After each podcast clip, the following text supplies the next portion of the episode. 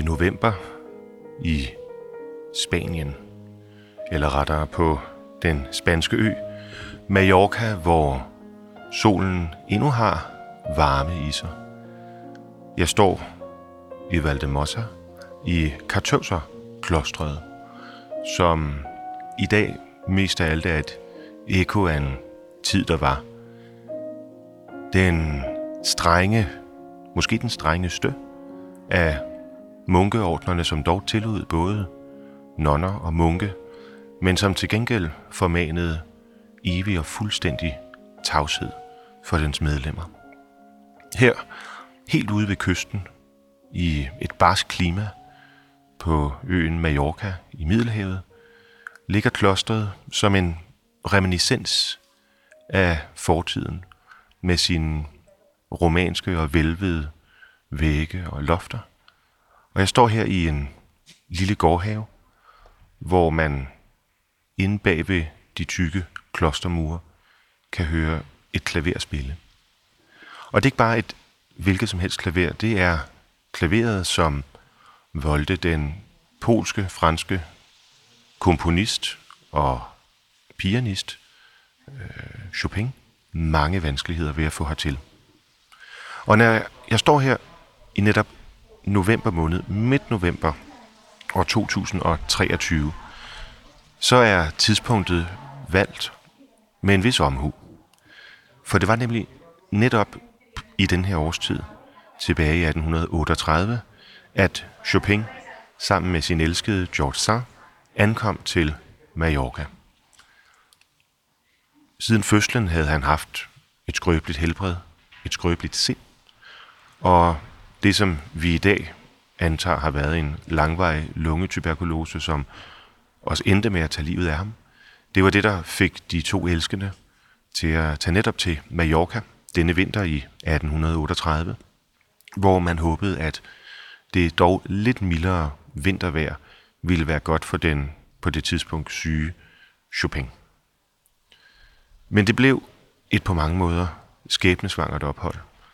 For snart var de to ankommet medbringende George Sands to børn fra et tidligere ægteskab, før de stærkt troende, stærkt kristne indbyggere her på øen Mallorca vendte sig imod dem, fordi de jo levede sammen som ægtefolk, men ikke var gift. Det var derfor nærmest umuligt for Sand og Chopin at finde et sted, hvor de kunne overnatte, og hvileløst flakkede de rundt på øen, indtil de kom herud til Valdemosa, ud til Kartøvserklosteret, hvor de fromme munke og nonner tog dem ind til sig. Og det er netop derfor, at jeg denne smukke, smukke november formiddag befinder mig her i Valdemosa i Kartøvserklosteret for at blive klogere på komponisten Frederik Chopin.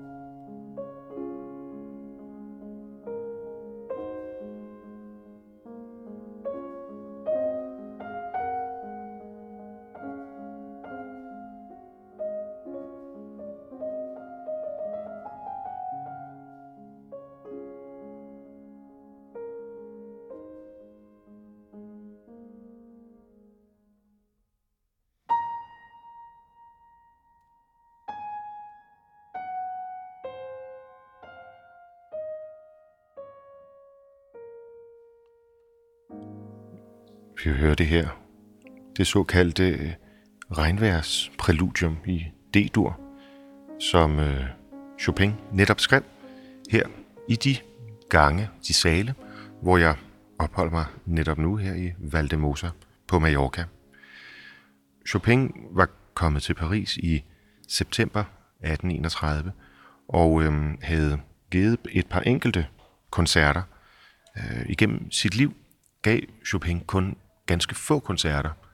I Pariserårene faktisk er det i hvert fald omtalt som blot 30, hvilket øh, i forhold til det navn, renommé, han jo havde i sin samtid, må sige sig være ganske bemærkelsesværdigt.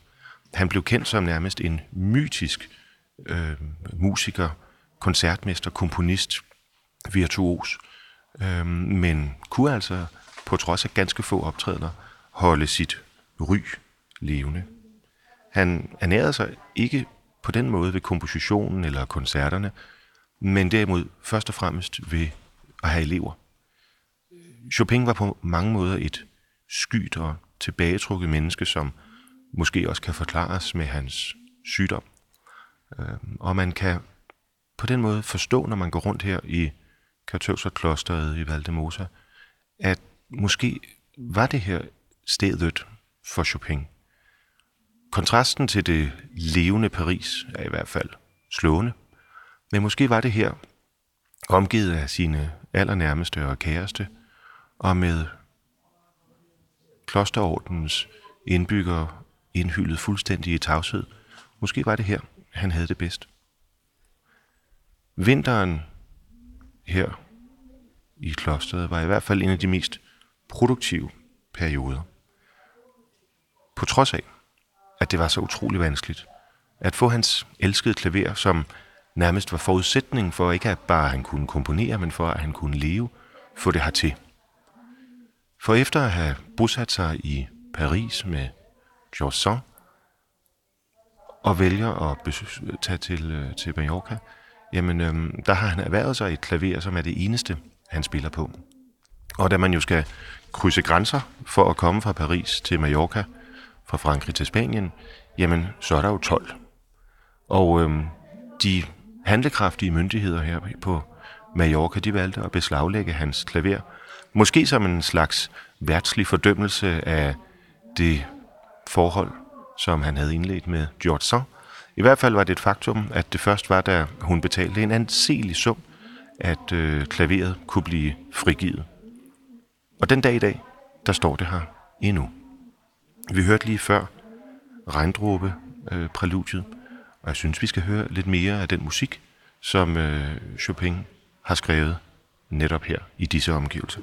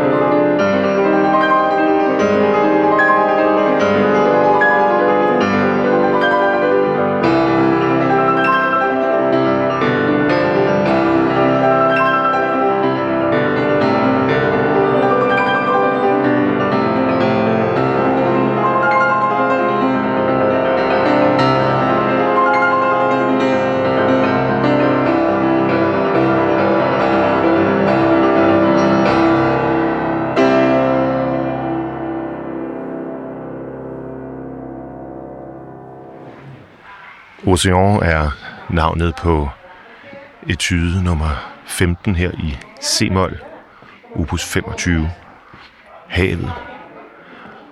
Og netop havet ser man, når man står her og skuer ud af vinduerne på det monstrøse kloster i Valdemosa.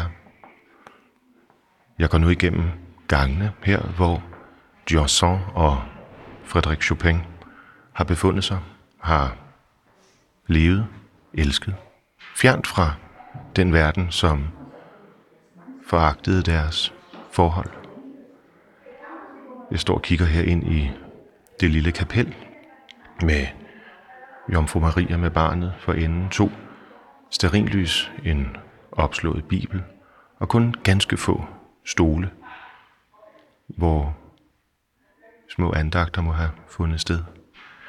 Ned langs de lange gange her med de velvede lofter, der sidder de øh, kendte stole, man kender fra de katolske kirker, hvor kardinalerne sidder op ved alderet. Jeg går ind her til venstre, hvor der er et stort kar foran mig, som nok hænger sammen med det køkken, jeg kan se øh, lige ved siden af. Der går en stor trappe op til første sal, hvor der givetvis har været privat bolig, eller måske fortsat er det.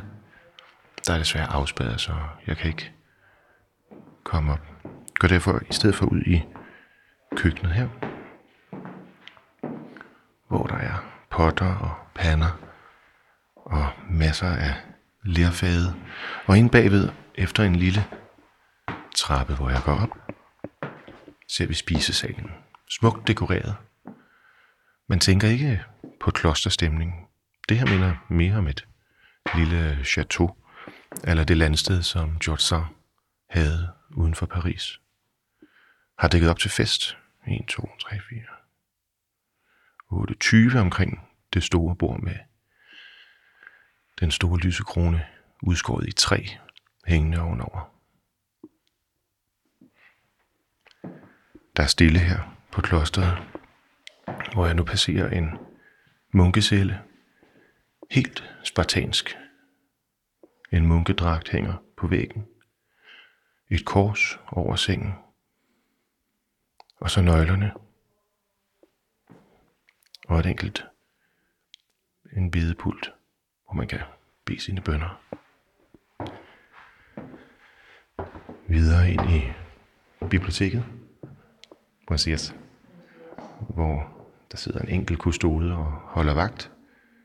Angiveligt vogter over de mange skrifter, originale skrifter og bøger, som står i lokalet her, hvor man ud gennem vinduet kan se den mest imponerende udsigt over det frodige landskab, som formodentlig har været årsagen til, at det netop var her, denne ø, som Chopin og George Sand valgte at tilbringe vinteren 1838. Længst ude ser man netop havet, brusende, som vi hørte det i Chopins etude.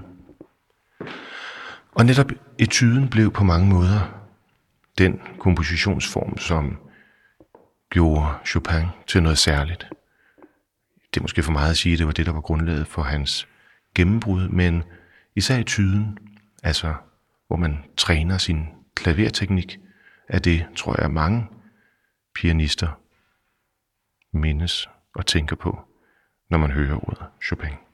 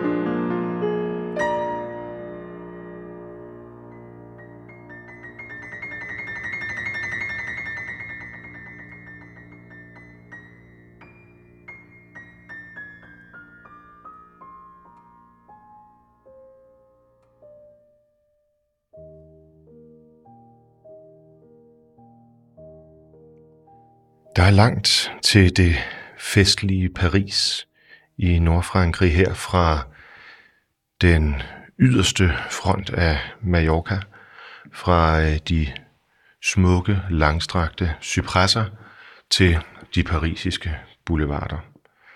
Alligevel så var det på mange måder Paris og Frankrig, som indkapslede stemningen omkring Chopin. Han var polsk helt ind i maven af sine ben. Øh, talte faktisk ikke særlig godt fransk, selvom hans families historie stammede fra Alsace. Men øh, det var den polske identitet, måske netop på grund af den oprørske tid, han levede i, som øh, virkelig definerede ham. Og alligevel tror jeg mange i dag vil betragte Chopins musik som meget fransk. Og pariserne tog også vældig godt imod den unge mand, da han blot 20 år gammel ankom til Paris i 1831. I februar 32 havde Chopin givet en koncert, som gav anledning til, at den toneangivende anmelder François-Joseph Fetty skrev i Revue Musicale, og jeg tillader mig at oversætte. Her ser vi en ung mand, der har fundet en, om ikke fuldstændig fornyelse af klavermusikken, så i hvert fald noget, der før er blevet søgt uden held, nemlig en rigdom af originale idéer, som ikke har set med andet steds. Og det var også i den periode, hvor den unge Robert Schumann erklærede hatten af, mine herrer, et geni er født. Det var efter, han havde hørt opus 2 af netop Chopin, variationen over La Chitarem fra Mozarts Don Giovanni. Så der er ingen tvivl om, at Chopins ankomst til Paris, hans indtog i det parisiske musikliv, jamen det havde stor gensidig påvirkning på begge parter. Paris tog godt imod ham, og han tog fantastisk godt imod Paris, hvilket man heldigvis også kan høre i en hel del af hans musik, blandt andet Le Grand Vals, som vi skal høre her, og som på mange måder står i kontrast til den melankoli, den ensomhed, som præger stedet her, Katøvserklosteret, og meget af den musik, som Chopin skrev netop her i den hårde vinter 1838.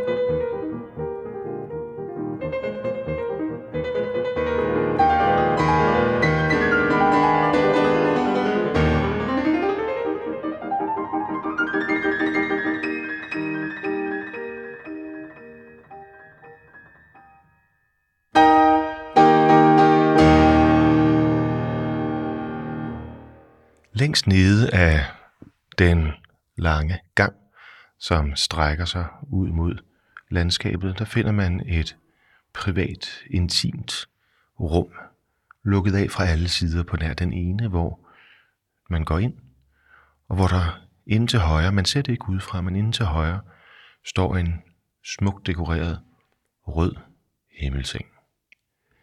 Jeg forestiller mig, at det må være her, Chopin og George Sand har sovet, har elsket, talt, diskuteret, skændtes. Alt det, som det temperamentsfulde forhold mellem den franske forfatter og den polsk, polsk-franske komponist indeholdt. Der er et spejl, et såkaldt tjenerspejl, eller Butlers Mirror, hvor man kan se omkring hjørner, som hænger over et stort mahoni møbel med fire skuffer og en hel række private fotografier, stående tydeligvis fra en anden tid. Dog ikke fra Chopins ophold her. Men der er ingen tvivl om, at her har de stået og kigget over den smukke natur. Her har han suget inspirationen både fra sine tanker i Paris, men også fra den marokkinske natur og stemningen, temperamentet her på øen, som står i stor kontrast til den fuldstændige stillhed, som man oplever her på klostret. Det er ikke mange besøgende, man løber ind i her, dog er man ikke i tvivl om, når man ankommer, at det her, jamen det er den store attraktion i byen. Man ser på væggene herinde, hvordan generationer af familier har ladet sig portrættere. Og klostret står derfor i en underlig kontrast til sig selv derved, at det tydeligt bærer præg af sin kirkelige historie og arv. Den måde, det er bygget på, hele arkitekturen, jamen man er ikke i tvivl om, at det her det er et munkekloster. Men interiøret og indretningen, jamen den giver mere indtryk af, at man befinder sig på en herregård. I det ene hjørne, hvor jeg står lige ved siden af den store kamin her i en af stuerne, jamen der står en gammel radio. Jeg vil tro, den er fra 30'erne, 40'erne, øh, hvilket jo står i noget kontrast til, at i munketiden, jamen der var det her sted formanet fuldstændig stillhed. I de forskellige små celler, der ser man godt nok en del religiøse motiver, men også ting, som bærer præg af et mere dagligdagsagtigt liv. Jeg går ned igennem de lave lofter her, og, eller gangen med de lave lofter, og kommer af der ud i gårdhaven, hvor jeg indledte. Klaveret, som blev spillet så smukt på før, er nu stille, og jeg går ned langs de lange kolonnader, hvor portrætterne emmer af historie, familier efter familier, både kardinaler, men også ridere og jeg tror, agerdyrkere, som har betrådt disse gange og har sikret det til eftertiden, sådan at vi i dag kan både beundre, men også mindes den tid, der var. Jeg kan se, der begynder at komme lidt flere turister end tidligere, og går rundt herude i Urtehaven. Øhm, et fænomen, som jeg tror er nærmest obligatorisk i et hvert kloster, hvor munkenes magi ofte er blevet misforstået, fordi de dyrkede urterne og kendte deres egenskaber. Klostret her i al sin solitude danner rammen om en vigtig del af Chopins liv. Chopin, som først og fremmest var polsk, og som øh, derfor insisterede på, ja, måske slet ikke kunne lade være med at lade de polske toner klinge i hans musik.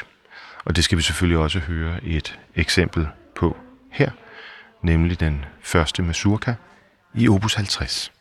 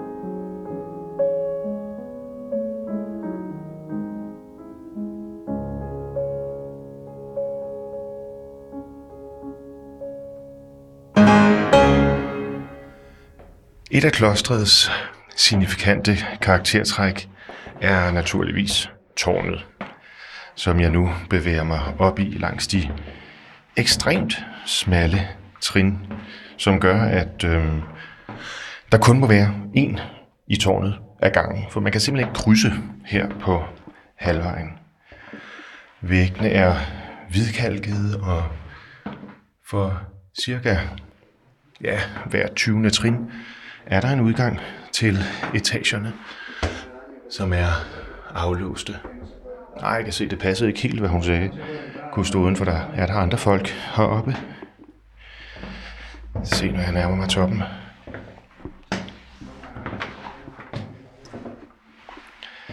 Jeg er svært ved at tro, at Chopin med sit svage helbred har kunne forsere de her trapper. Og nu nærmer vi os dog toppen.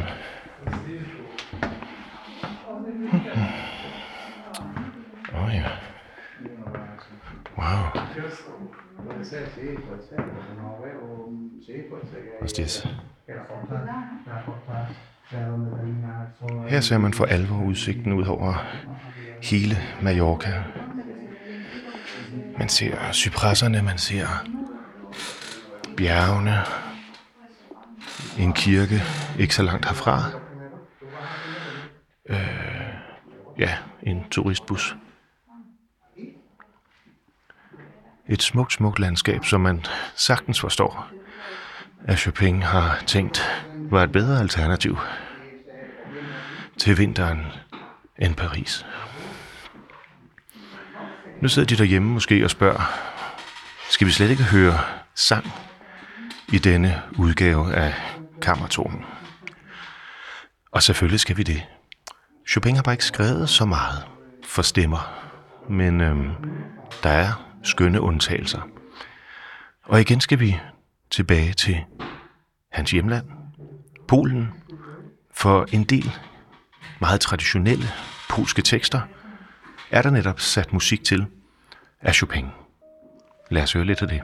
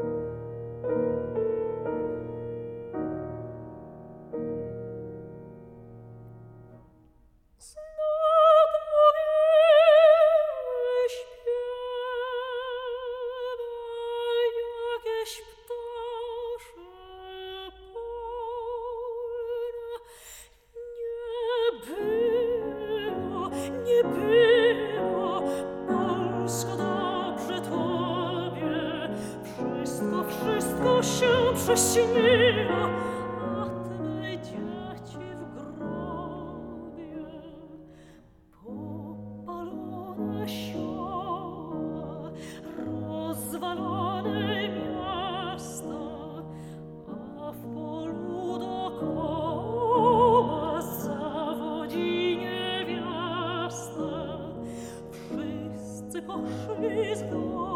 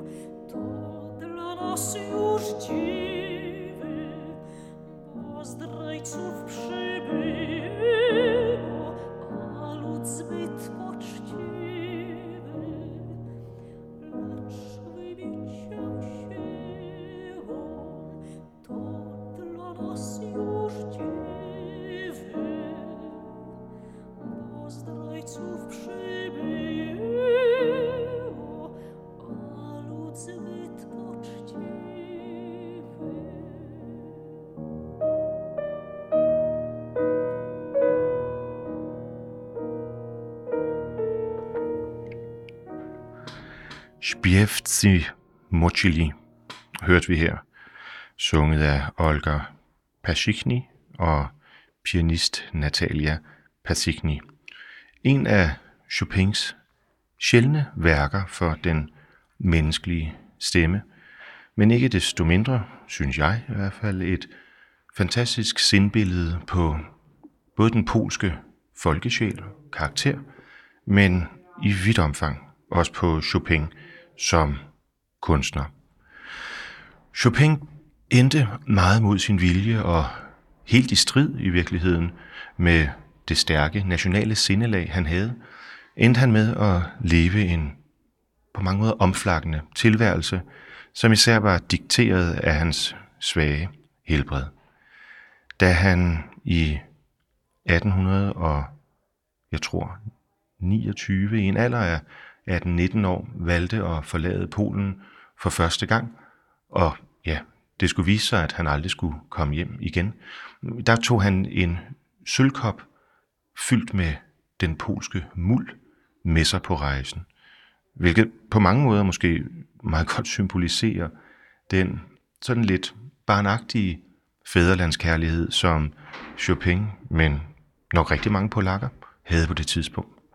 En svær periode, hvor Polen var besat af Rusland, og straks efter, at Chopin var ankommet til Paris, jamen der udbrød et af oprørerne i Warszawa, novemberopstanden, hvor polakkerne forsøgte at få selvstændigheden. Øh, Chopin følte stærkt for den sag, hvilket man måske også kan fornemme i hans musik. Jeg tænker ikke her på den romantiske tone, men på den sådan stærke vilje og karakter, som går igen i rigtig meget af hans musik.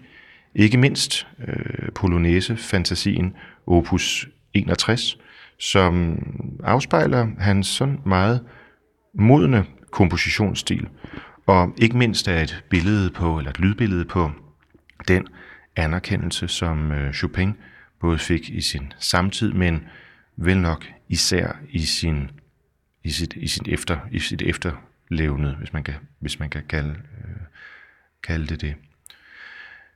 Jeg har nu gået rundt her på Kartøvserklosteret i en times tid, lyttende til Chopins indvuggende musik. Og øhm, når man tænker på, hvor kort tid han levede, blot 39 år blev han, jamen så er det imponerende, også med den modgang, han oplevede af både værtslig, men også helbredelsesmæssig karakter, så er det imponerende, hvor han tog musikken hen. De sidste år af sit liv levede han uden George Sand. Historien er, at Sand skriver en roman, som Chopin læser korrektur på, og under korrekturlæsningen går det op for ham, at det er en nøgleroman. Han kan simpelthen genkende for meget af sig selv, og øh, føler sig forrådt. Han kan ikke leve med det, og øh, de to bryder op i stillhed. Man har de seneste år kunnet dykke stadig mere ned i Chopins tanker og følelser i den her svære del af hans liv, fordi der i 2011 blev afsløret en række af hans breve og brevveksling, både med sand, men også sådan dagbogsnotater, hvor man har kunnet læse om hans tanker. I juni 1849 er Chopins helbredstilstand så dårlig, at han, han ved, at der er ikke lang tid igen. Han får sin søster Ludvika til Paris, hvor hun ankommer og sørger for at installere brugeren i en lejlighed på Place Vendôme, nummer 12.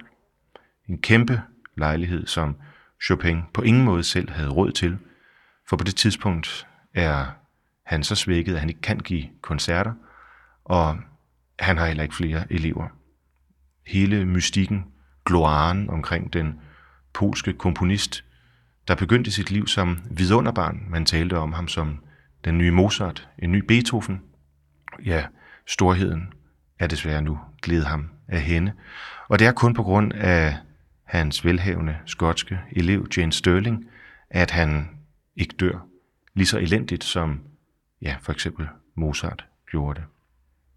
15. oktober, der forværres hans tilstand markant, og hans nærmeste venner samles omkring ham. 17. oktober er det berettet fra lægen, der vogtede over ham, at lægen spurgte Chopin, om han stadig led, og Chopin siger ikke længere. Og kort tid efter, så glider han ind i den evige hvile. Det har i eftertiden været diskuteret, hvad det egentlig var, der gjorde, at øh, Chopin hele sit korte liv havde så mange genvordigheder med helbredet.